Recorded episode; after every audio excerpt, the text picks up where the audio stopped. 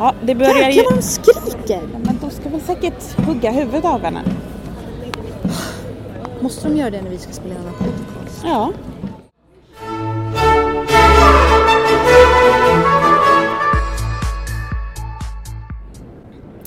Välkomna till Slottspodden med Susanna och Gabriella. Podden där vi på plats pratar historia utifrån olika slott. Och den här gången har vi tagit oss till en plats där vi skulle kunna spendera dagar, kanske veckor, så spännande är det.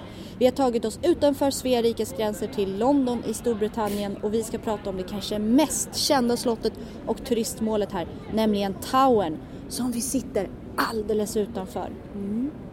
Ja, och idag är det eh, jag, Gabriella, som kommer ställa de flesta frågorna och eh, du, Susanna, som kommer vara experten eftersom du eh, också har läst väldigt mycket engelsk historia och dessutom skrivit om gruvligheter på 15 och 1600-talet, vilket det blir en hel del av idag.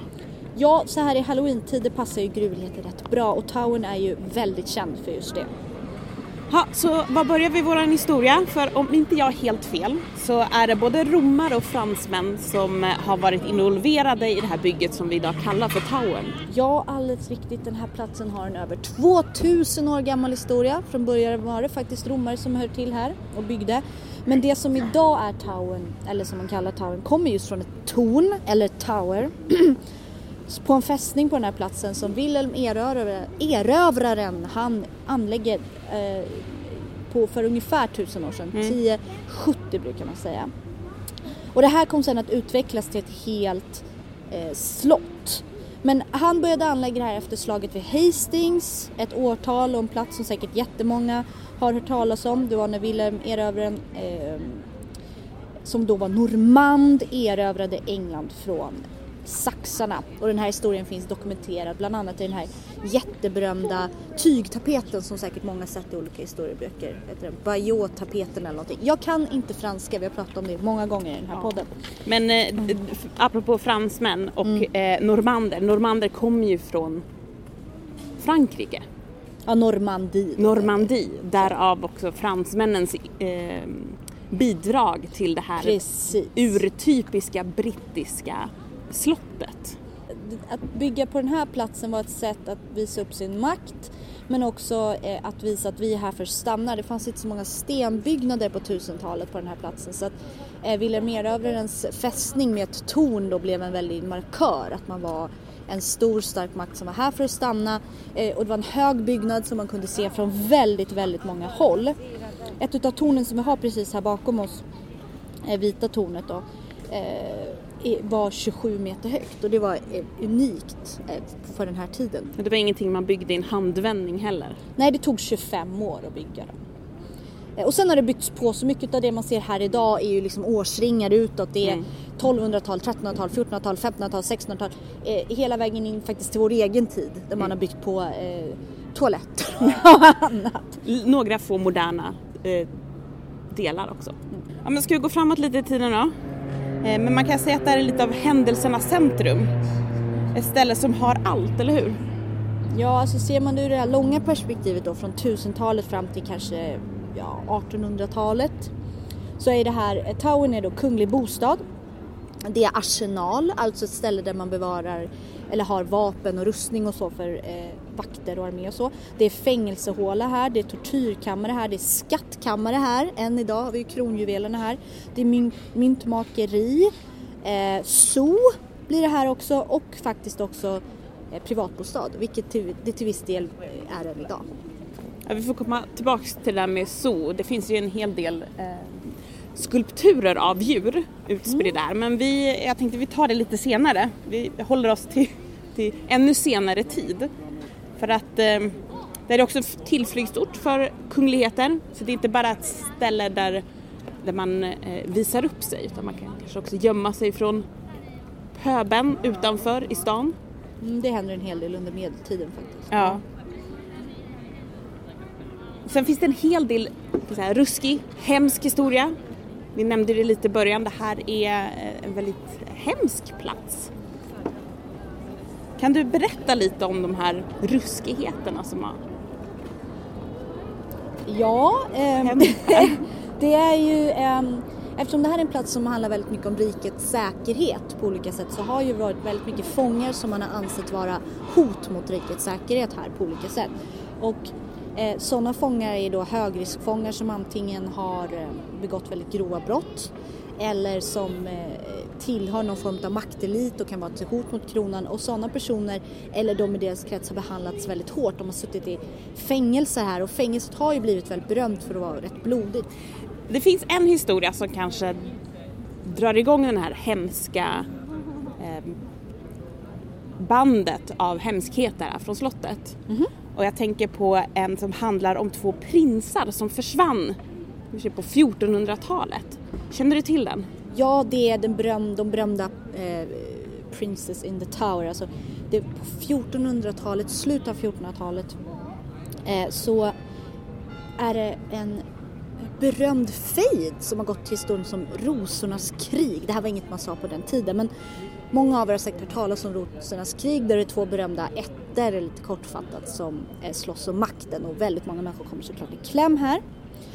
Och 1483 så har det hänt att dåvarande kungen, Edvard den fjärde, har dött. Han är inte särskilt gammal, han är ungefär 40. Han dör plötsligt. Och nu är det hans två, två söner, två unga söner är eh, arvtagare till tronen. De heter Edvard och Rickard, de är 12 och 10 år gamla. Och egentligen är ju den här lilla Edvard då, 12-åringen, han är ju kung nu. Men hans farbror Rickard, det är många Rickard i den här berättelsen, men han har också en farbror som heter Rickard som, eh, ja han vill ju ha, han vill också ha makten. Och eftersom barnen är så små så tar han över, tar över rollen som förmyndare för de här två för pojkarna. Och för deras egen säkerhet så skickas de hit till Tower. Han är väldigt omtänksam på det sättet. mycket omtänksam farbror. Han vill inte att något ska hända dem. De skickas hit. Folk runt omkring har sett dem leka på vallarna här på murarna. Men ingen såg dem någonsin komma ut härifrån. Det som hände sen var att Rickard då den här, han, eh, han lät, eh, o, alltså han lät eh, vad kan man säga, han, han tog ifrån dem deras legitimitet som, som prinsar genom att hävda att de var oäkta. Ja. Och genom att hävda att de var oäkta, alltså inte inom äktenskapet eh, födda, så kunde han ta ifrån dem eh, makten. Och De hade ju ingen arvsrätt Nej, kvar då. precis, precis. Det var det ordet jag letade efter. Och då gjorde han sig själv till kung. Och då blev han Rickard den tredje. Praktiskt. Mm. Och efter han blev kung eh, så han släppte inte ut de här pojkarna heller. Att han bara, men nu är jag kung, nu kan ni göra vad ni de fortsatte vara här. Och legenden säger att han lät mörda dem. För man såg dem aldrig mer. Och det blev ju inte bättre av att den stora 1500-talsförfattaren Shakespeare dessutom skrev ett helt drama om det här ungefär 100 år senare. Där han utmålar Rickard som världshistoriens största skurk. Alltså nästan varenda arketyp till en bad guy som vi ser sen i serietidningar, filmer, böcker ända fram till vår tid är baserad på Rickard tredje Ja. som den här personen. Man har ju hittat spår och vi har varit och tittat där spåren var. Vi har ju det vart man då, någon gång på 1600-talet som man tror sig ha hittat de här pojkarna va? I en trapp. Precis, här, bakom oss så finns ett, en liten trapp och där hittade man två skelett gömda på 1600-talet. Dåvarande kungen, Karl II, lät begrava de här för han var helt övertygad om det är de förlorade prinsarna, stackars dem, vi måste återbegrava dem. Så de begravdes med pomp och ståt lite längre bort här i, i Westminster Abbey. Men man gjorde faktiskt undersökningar på skeletten på 1900-talet, i början av 1900-talet. Ja. Och då såg man att de stämde alltså med eh, åldern på när Ja. de här prinsarna skulle ha varit, om de nu hade blivit mördare. Det Mm. var två barnskelett, de hade rätt åldrar, men det är det enda man vet. Man hittade Rickard III skelett på någon parkering. Ja, för några år sedan. eh, Ja, så och att man, undersökt det men man har inte kunnat jämföra då de här Nej. skeletten. man behöver kungligt tillstånd för att få öppna gravar i Westminster Abbey. Så det är nuvarande drottningen som måste ge tillståndet. Jag tror att det är rätt mycket byråkrati i det där. Det är fortfarande ett mysterium egentligen. Det finns olika ingångar till eh, slottet. Och de här prinsarna kom in genom en mer officiell port och så finns det en kanske lite mer inofficiell för eh, de som har inte gjort helt rätt för sig. En rätt känd port som kallas för Traitors Gate. Och vilka var det man tog in den vägen? Ja, som namnet antyder, Traitors Gate, så var det förrädare som kom in eh, den här vägen. Och det är alltså en väg in från Themsen, en vattenväg in här i Tower. Mm. Den har än idag en sån här port som är rätt mörk och läskig. Man kommer in vattenvägen, man får man fick då sen gå trappor upp. Och eh, alltså porten byggdes på medeltiden för att få en vattenväg in och det är inte så konstigt. Det här slottet ligger precis vid vattnet. Man kanske vill ha vattenväg in både för att rymma, ta sig in, få in mat och förnödenheter. Men under just 1500-talet så kommer den få det här namnet eh, Traitors Gate för många eh, berömda fångar tar sig in den här vägen. Mm. Och, men namnet i sig dyker inte upp förrän tidigt, tidigt 1600-tal i källorna och då syns, då står det till och med på, på kartor. Och än idag när man går förbi här så står det ju Traitors Gate. Ja. Nej men eh, mycket fångar, man roddes in den vägen. Och eh, hade man riktig otur då så hade man rotts in via bron som ligger bredvid Tower Bridge och där hängde man upp kroppsdelarna efter avrättade och torterade fångar. Så man, man roddes in eh, i en eh, otroligt eh, skräckfyllt, eh, ja måste det ju varit. Hotfullt. Ja, för ros in här för att komma in och bli förhörd eller fängslad. Mm. Eh, kända fångar då, så vi är ju mycket kungligheter. Mm. Ehm, eh, och eh, Anne Boleyn som var drottning i början av 1500-talet roddes in den vägen. Catherine Howard som också var drottning. Lady Jane Grey eh, roddes in här. Eh, andra kända fångar är eh, Thomas More. Sen roddes in den vägen och det sägs även att prinsessan Elisabeth eh, så sen blev Elisabeth den första ska ha rott sig in den vägen och fått se alla de här liknelserna. Men det är inte sant. Hon kom antagligen in eh, över vallgraven på den här vanliga porten också då. Men det är alltså det är, det är en otrolig stämning där än idag, den här mörka, tunga stämningen eh, för fångarna som tog sig in. Liksom, Det är liksom både högt och lågt. Den eh, entrén kan man säga, Traitors Gate, är ju liksom verkligen för att eh, få ner någon. Det fanns också en praktisk eh, parameter i det här. Alltså eh, vissa förhör och, och fång, själva fångenskapet skedde här, kunde göra det. Men eh, det var mycket förvaring. Själva Mm. rättegångarna skedde, skedde ofta borta i Westminster. Lite längre borta och på den här tiden så eh, var ju London mycket av en vattenstad så att det var också praktiskt om du hade en fånge som skulle mellan rättegång och förvaring Mm. att just sköta det den vägen. Så det var inte säkert bara för att psyka utan det fanns en väldigt praktisk eh, förklaring till det. Det har vi ju pratat om eh, tidigare också på andra slott i Sverige att det är ju vattenvägen som väldigt länge är den enklaste och mest praktiska sättet att transportera folk eller sig själv eh, till och från olika punkter och så är det också längs Themsen. Ja, vi har ju nämnt avrättningarna nu här några gånger och några av de kanske mest kända avrättningarna de sker ju i och med Henrik den åttondes alla fruar. Eh, Nu blev ju inte alla halshuggna men eh, hur många av dem eh, miste huvudet? Ja, Henrik åttonde lät avrätta två fruar. Han hade sex fruar under sin livstid. Först var det Catherine av Aragon som var en spansk prinsessa. Mm. Aragon han var gift med väldigt länge från han var väldigt ung och sen har vi då Anne Boleyn som, var, eh, som blev avrättad. Vi har en tredje Jane Seymour som också dör men hon dör i barnsäng. Ja. Ja. Sen har vi Anne of Cleves som man skiljer sig ifrån. Sen har vi Catherine Howard som man låter avrätta. Och sen den sista då, Catherine Parr som överlever honom. Och det finns ett rim på engelska som man lär sig om det här. Eh, Berätta. Divorced, beheaded, died. Divorced, beheaded, survived. Det är som man minns liksom vilken ordning. Så vad är det blev? Ja precis och de här två drottningarna som ha- halshuggs här på Towern då, det var första Anne Boleyn. Eh, det är en väldigt lång historia till varför de måste avrättas men Henrik den åttonde ville gifta om sig. Han hade inte fått sin son som han ville ha. Och eh, han ville gifta om sig med en ny fru, kanske få nya barn och sådär. Han hade tröttnat på henne och han behövde bli av med henne och eh, han kunde inte skilja sig.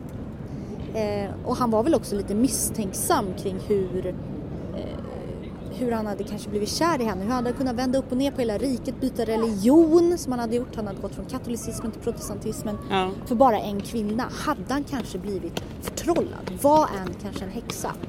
var en stor konspiration mot henne i alla fall och hon lades, det var många olika bevis som lades fram mot henne. Både Ja. otrohet, incest, att hon skulle haft någon relation med sin egen bror, eh, att hon skulle använt häxeri och många vände sig mot henne, till och med hennes egen familj och, och de där och sådär. Sen Hårt. vet vi också att med all sannolikhet så blev ju många av de här torterade som la fram bevis mot henne. Så att, Ja. ja. Men det som i alla fall hände var att han, hon kom in här genom Traitors Gate, Mm. eh, då, eh, blev inspärrad och eh, halshuggen här och hon, eh, Hennes halshuggning skiljer sig lite från ja, de vanliga halshuggningarna. Ja, alltså dels så slår hon in någon slags stressad eh, skrämsel och skrattar eller liksom sagt att vad, vad bra att jag har en liten hals eller liksom så här, lite. Ja. Det blir ett litet jobb för, för eh, Det blir ett lätt jobb. det ett lätt jobb och men sen så lär eh, Henrik den åttonde tog hit en specialbödel från Frankrike som var expert på halshugga med svärd och det här var lite extra humant. Så man tror att det här var en sista gest mot, mot, eh, mot sin blivande exfru då, att ge henne någon slags humant. Ja, det för antagligen med de starka känslor han hade visat Ja. för, för henne under åren så det här, det här var antagligen hans livs stora kärlek som Barbro blev väldigt besviken på. Han hade Ja. privilegiet eftersom han var kung Så göra han, sig benåd... med ja, han benådade henne inte men han eh, gav henne ett lite, lite humanare Ja, så hon avrättades med, med svärd och det är väldigt unikt. An, många andra adelspersoner eller viktiga personer blev avrättade med, med yxa. Och det hände hans, vad blir det nu då, fjärde fru? Ja, och han, han går liksom, startar ju inte bara eh, en protestantisk kyrka, han startar ju en helt engelsk kyrka för att kunna göra sig av med fruar. Ja, precis. Och um, det är ju ganska sorgligt den här stackars Catherine Howard då som inte alls är särskilt gammal. Hon var ju över tonåren när det här hände. Eh, hon blev eh, mer eller mindre bortgift med kungen och var väl inte helt... Vi vet inte vad hon kände för det men hon blev, hon blev dömd för att ha varit otrogen i alla fall. Gissningssänden och liknande här. Det är möjligt att hon var otrogen men eh, de här som gav bevis var, blev antagligen också hitförda och torterade. Ehm, men ehm, Catherine Howard skulle ha övat på sin avrättning. Hon var så orolig att göra fel och att, eh, att eh, framstå som svag kanske. Och, Ja. så här, så hon, hon beordrade en avrättnings... Eh, sån här avrättningsblock, alltså där man la huvudet. Så hon övade på att lägga huvudet rätt. Ja, det, det är otroligt. Det är helt fantastiskt. Nu när vi pratar om 1500-talet så börjar det svärma 1500-talsmänniskor runt oss. Till vår vänstra sida står en kvinna klädd i en helt fantastisk svart och vit klänning. Ja. En stor kjol som ni säkert sett på 1500-talsmålningar. Som går en halv meter utanför kroppen. En trummare är han va? Ja, han har en trumma och Stora pinnar. puffiga byxor, en trumma, grön doubletjacka. Vi tror att något kommer äga runt här alldeles strax. strax. Vi vet att just idag så ska man få hjälpa till att frita fångar. Jag tror att till och med kanske Elisabeth den första herself är där borta uppe på balkongen. Ja, med... Tillsammans med sin minister. Ja. Så vi får se vad som händer under poddens gång. Vet aldrig. Ja. Ja. Ehm, och Elisabeth då som vi just såg, hon satt ju också fången här under sin stora systers tid. När hon var, innan hon blev den berömda drottningen Elisabeth den första så var ju hennes stora syster drottning. Vi är också kvar på 1500-talet och hennes stora syster Mary lär, ha spärrat in henne här också då för att psyka henne. ja, alla medel för att behålla makten som kunglighet.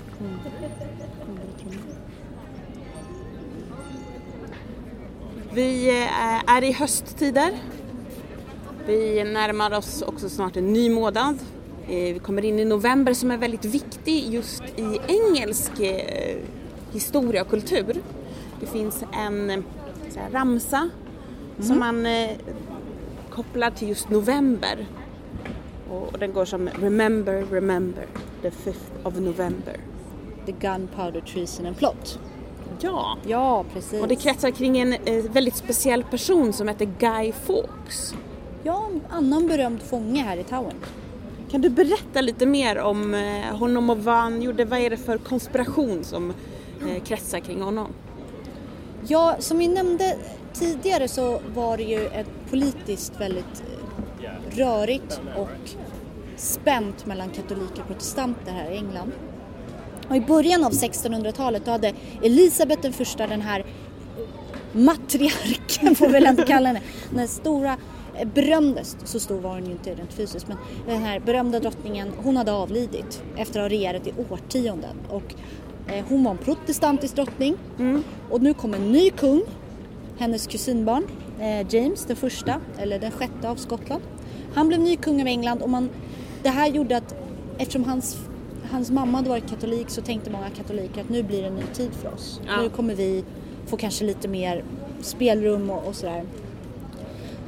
Så att det var lite oroligt politiskt. Men det blev inte så utan James han gick otroligt hårt åt katolikerna.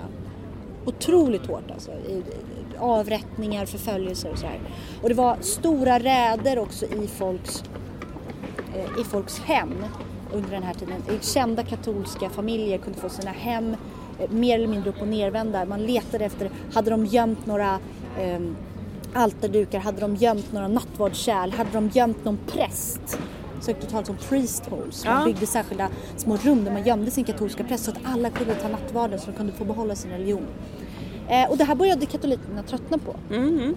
Så de, de eh, många katolska faktiskt, eller eh, högt uppsatta män, adelsmän alltså, som Ja. var katoliker, bland annat en som hette eh, Catesby var den mest kända, som drog igång den här plotten mot James. Man tänkte att vi ska ha en stor, eh, vi ska spränga allihopa i luften.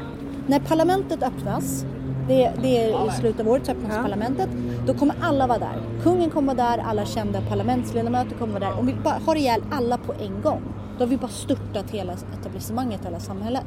Det är så när man har Ja, riksdagsöppnande i, i, i Sverige. Så, Så de hade tänkt sig att de skulle då eh, mer eller mindre bara spränga det som då var eh, Westminster-parlamentet. Ja. Det, det är inte samma byggnad idag men ja. Man skulle spränga det när kungen var där. Och då skulle han dö och alla de här högt uppsatta andra protestanterna skulle dö. Och sen hade James hade en liten dotter mm. som också hette Elizabeth om jag inte minns fel. Alla heter samma sak. Populära namn. Och hon, man hade tänkt sätta henne på tronen som en liten docka och så skulle man få henne att nu är vi katoliker igen. Ja. I alla fall. Det som händer är att man behöver någon som kan göra själva sprängningen. Och det är där Guy Det Fawkes är där kommer Guy in. Fawkes kommer in. Guy Fawkes var alltså inte någon känd person utan Nej. han hade varit i Spanien, han hade slagits för eh, katolikerna i andra länder, han kom tillbaka till England och han var den som liksom skulle tända på alla de här kruttunnorna Mm. som man hade under dagar i smyg rott in under parlamentsbyggnaden. Och parlaments, eller, parlamentsbyggnaden, slottet på den här tiden där var så rörigt, det fanns så mycket verksamhet och så mycket människor så ingen hade lagt märke till att de hade lyckats få in tunna efter tunna efter tunna med krut. De tänkte att det är bara vår nästa leverans av någonting i en tunna. Ja, man vet inte, men det man vet är att man gjorde en räd för att de blev tipsade att något skulle hända. Ja. Man gjorde en genomsökning, de hittade ingenting. Mm. Och sen var det antagligen någon i konspirationen som förrådde dem sista dagen för man lät beordra en sista, sista, Sista genomsökning, sista räd. Och då hittar man just Guy Fawkes sittandes där nere. Han skulle verkligen bara tända på. Ja. Och då blev han liksom symbolen för den här revolutionen. Han blev också Martyren. han, man, martyren för katolikerna men för protestanterna och för de som hade fångat honom blev han ju också liksom symbolen för ondskan. Ja. Och det var honom man, eh, liksom, det var hans namn man sen kommer ihåg, Guy. Fawkes. Och Guy Fawkes togs då till fånga. Han kom hit till Towern. Eh, blev antagligen brutalt torterad i eh, några dagar. Han höll ut i några dagar innan han började säga andra namn. Vilket starkt jobbat. Enormt och eh, eh, med all sannolikhet fick han utsatt för sträckbänken just. Ja. Eh, som drar sönder lederna i kroppen. Så fruktansvärt plågsamt. Eh, och ett bevis man har för det och det kan man se på hemsidan, den här Towerns hemsidan idag, är hans signatur. Han var tvungen att skriva på ett papper när han kom in i när han blev tillfångatagen. Och när han sen skrev på pappret att um, sitt erkännande och alla han hade gett namnet på, Ja. då ser man hur skriften är helt förstörd. Antagligen för någon vars händer och, Ja, och armar är helt trasiga. Men Guy Fawkes blev då ehm, symbolen för ondskan och man började då, för att minnas vad man hade klarat sig ifrån det här fruktansvärda terroristangreppet man hade klarat sig från Ja. 15 november. Remember, ja. remember, the treason and plot. Så började man då elda upp en symbol för det här varje år i England. Och det är Guy Fawkes Det är Guy man Fawkes man eldar upp. Men också som barn började gå runt eh, och med dockor som de hade gjort som de Ja. sen skulle elda upp och knacka på hos folk och be om en, en slant för att säga, ja titta vilken fin docka vi har gjort. Lite som påskkärringar Ja, fast precis, på fast- hösten. Ja, och då sa man då penny for the guy, att man skulle få en penny för sin docka. Ah. Och därför blev guy blev bara en gubbe. Liksom. Ja. Och därifrån har vi det engelska ordet och amerikanskan idag, guy. A guy. Alltså en person bara. Det kommer från det uttrycket. För den här traditionen kom sedan med engelska immigranter i USA på 1600-talet. Ser man. Ja. Allting hänger ihop. Ja precis. Men stackars eh, Guy Fawkes då, eh, han blev då avrättad på det mest brutala sätt som förrädare blev avrättade under den här tiden. Han blev hanged, drawn and quartered, som det heter. Alltså, först blev han hängd tills Ja. han nästan var medvetslös. Då skar man ner honom och så stympade man honom medan han fortfarande levde och drog ut hans inälvor medan han fortfarande såg det. Eh, och sen slu- slutligen då blir han styckad i bitar och så hänger man upp delar då runt om för att avskräcka folk. ja. Fruktansvärt, fruktansvärt, fruktansvärt på andra sätt. Ja, han lyckades i alla fall inte rymma härifrån. Nej. Men han höll ut länge. Han höll ut länge. Men det finns en rymling. Ja, jag måste få berätta om en känd rymling. En som faktiskt blev fångad här och lyckades rymma. Eh, en, namn, en, en, en, en jesuitpräst som hette eh, John Girard. Det här var i slutet av 1500-talet. Precis innan... ehm, det här är några år innan The Gunpowder Plot. Ja. Som jag sa så vänder man upp och ner på kända katolska familjers hus. Man letar efter präster, man letar efter dömda personer. Och, ehm, John Gerard var en sån här som hittade sitt priesthole. Han togs hit. Han fördes in eh, genom alla gångarna här. Och han fördes ner till tortyrkammaren här under. Och eh, de psykade honom till den grad att han, eh, han fick se alla instrument de skulle använda på honom innan. Alltså, en för tortyr. Ja, en förtortyr. Fruktansvärt. Han blev hängd i the manacles, alltså som är en slags handfängsel som man hänger från taket. Eh, och sen så sätter man en tyngd på fötterna så att man hänger så. Och, eh, men han lyckades som sagt rymma och det, genom hans, eh, hans eh, brev och berättelser till eftervärlden som vi också vet att hur tortyr gick till här. För det var nämligen så att när han satt fången här så lyckades han muta en av eh, vakterna att få ta med hit, och få in apelsiner. Ja, hur kan man rymma med en apelsin? Jo, nu ska jag berätta för dig. ja, det, vi har ju pratat om apelsin och frukter förut men inte i tortyrsammanhang. Nej, eller fångsamma. Jo, så här var det. Han, han mutade vakterna att få ta hit apelsiner. Ja. Han fick hit apelsiner och eh, de trodde väl att han åt dem liksom. Ja. Vilket han kanske gjorde. Men av apelsinskalet så tillverkade han små pyssel. Han gjorde små radband och små kors och krucifix och så. Också helt normalt för en präst kan man Ja tycka på den precis, tiden. han var jesuitpräst. Och sen mutade han dem igen att kan du skicka ut de här radbanden till mina vänner. Han slog Ja. in dem i papper och sen så bad han att skicka dem till hans vänner och det gjorde de. Men det vad de inte visste var att pappret det var inslaget i var dolda meddelanden och eh, ett var brev. För att apelsinsaft, nu ska ni lyssna allihopa, det är jättebra osynligt bläck. Om man skriver med apelsinpass på papper och sen kan man dra av det, jag tror man kan använda lite olika saker men det försvinner när det, när det torkar. Pappret suger liksom upp Ja, den. och man ser ingenting. Och sen när man använder värme av något slag, an- antagligen på den tiden använde man så här varm, varma kolbitar eller någonting. Värmde upp pappret igen, då kom, trädde texten fram. Och så kunde hans vänner veta vart han satt, i vilket torn han satt och sådär.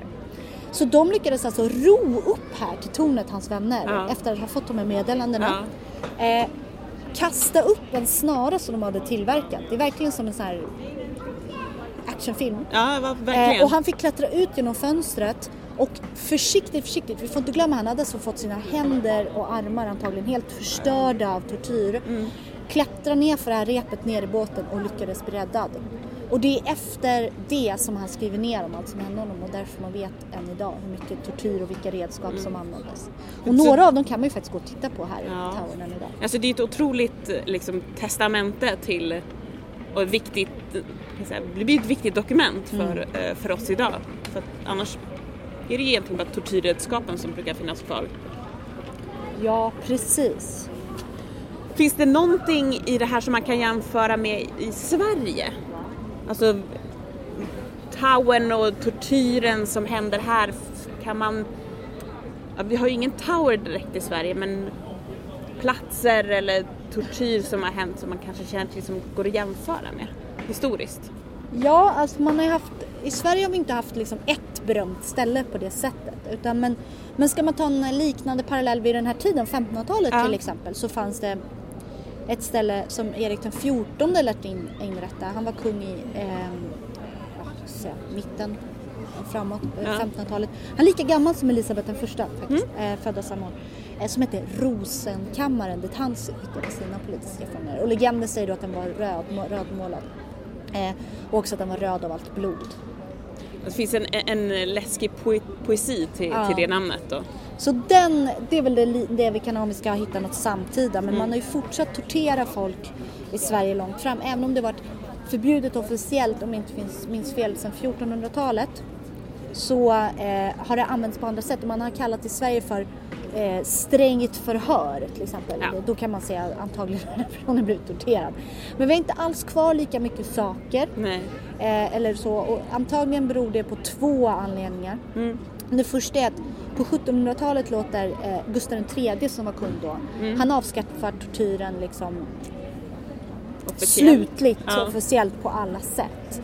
Och då låter han förstöra alla redskap som finns. Så de redskap som fanns kvar var antagligen förstörda då. Ja. Men sen så tror också forskningen att antagligen har många tortyrredskap i Sverige eh, tillverkats av eh, Förstörbara material. Ja, precis. Alltså trä, rep, gissningsvis tumskruvar i trä tror jag Ja. var rätt vanliga. Eh, som alltså helt enkelt vittrar och förstörs med ålder medan mycket av det vi ser i Storbritannien till exempel men även i Spanien där inkvisitionen hade en, en stor tillverkning av just eh, tortyrredskap var gjorda i metall som Mm. håller längre över tid. Så det finns, um, det finns ju som sådana parametrar också. Vi såg ju lite, det finns en utställning här just på Towern där vi såg mm, lite tortyrredskap Ja. och så. Och just det här med att officiellt så har ju eh, England aldrig haft tortyr. Nej, utan det måste sanktioneras av, en, av kungen eller drottningen. Ja. Eh, men att, ja, tortyrredskapen finns ju kvar, testamenten finns kvar om vad det är som har hänt här. Så att eh, det är någonting som alltid har funnits här. Absolut. Och blodigt värre i alla fall. Blodigt värre. Ja men ska vi lämna människorna en liten stund? Ja, För att eh, vi eh, nämnde det här med zoo i början. Ja. Och vi, det finns ju en hel del djur i jättefina skulpturer i eh, hönsnät ser det ut som. ja nej. Utspridda här. Men varför har man satt dit dem? Det har varit zoo här va? Ja, det har varit eh, menageri eller zoo här från, från 1200-talet faktiskt. Eh, så från, från 1200-talet till 1800-talet så har det varit jättemycket djur här. Och det är för att eftersom det här faktiskt har varit en kunglig borg där kungen har bott och, och verkat. Mm. Eh, så har kungarnas presenter också ofta kommit hit. Eh, kungar får ofta presenter av andra kungar som är just djur, exotiska djur. Så redan på 1200-talet fick man hit en isbjörn från kungen av Norge, skickade hit en isbjörn. Och sen kommer det mer och mer djur med tidens gång. Olika exotiska gåvor. Lejon, du hade sett Elefanter och babianer. Ja, precis. Och på 1700-talet då öppnar man det här stället för allmänheten. Då kan man få komma hit och gå på sot och titta på de exotiska djuren. Och då fick man betala en avgift för att ehm, komma in. Men man kunde också ta med sig ett husdjur, en hund eller en katt och mata rovdjuren med som en slags inträdesbiljett. Fruktansvärt, man tar med sig katten och matar lejonen eller isbjörnen. Jag tänkte säga det är precis som Lejonbacken i Stockholm jag tror Ja. inte det var dit man tog sina husdjur. Men det är Nej. därför Lejonbacken heter Lejonbacken. Det gick ju ett lejon där. Ja, precis. Eh, en stund i alla fall tills han fick se en älg och blev rädd och frös ihjäl. Men eh, så att där har man ju kopplingen till alla djuren. Men det finns ju ett djur som sticker ut lite mer än andra. Det enda djuret som kanske är kvar här från där sot. Och det är ju korpen. Ja, de är så vackra och de hoppar runt här, de är enorma och de kraxar åt en. De är jättestora. Korpar är ju asätare. Mm. Eh, och de har väldigt hårda, vassa näbbar. Vi har ju sett dem faktiskt suttit och slipa sina näbbar här idag mot stenarna. Så de kan ta sig in i det mesta. Mm. Och antagligen så har de varit här och käkat upp resterna utav avrättade personer Mm. eh, under århundradena. Men korparna ska också bringa tur. Sen 1600-talet så har, kung, eh, har korparna här haft kungligt beskydd. Ja, för att man trodde att så länge det finns sex stycken korpar vid towern så kommer liksom imperiet och kungariket att finnas.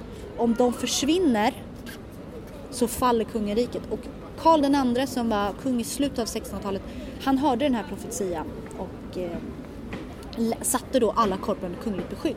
För först hade han tänkt ha ihjäl dem. För den kungliga astronomen hade gnällt på att de störde när han skulle titta på stjärnor och annat.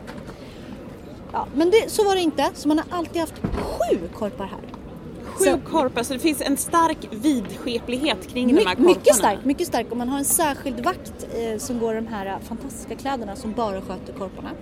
Och de här sju, sju idag har vi ju varit och tittat på. Ja, Eh, och idag så heter de Jubilee, Harris, Grip, Rocky, Erin, Poppy och Merlina. Dagens korpar. Ja visst är de fina, fina, namn. namn. Ja, så att eh, om någon av dem eh, oturligt nog skulle dö så finns det en extra då.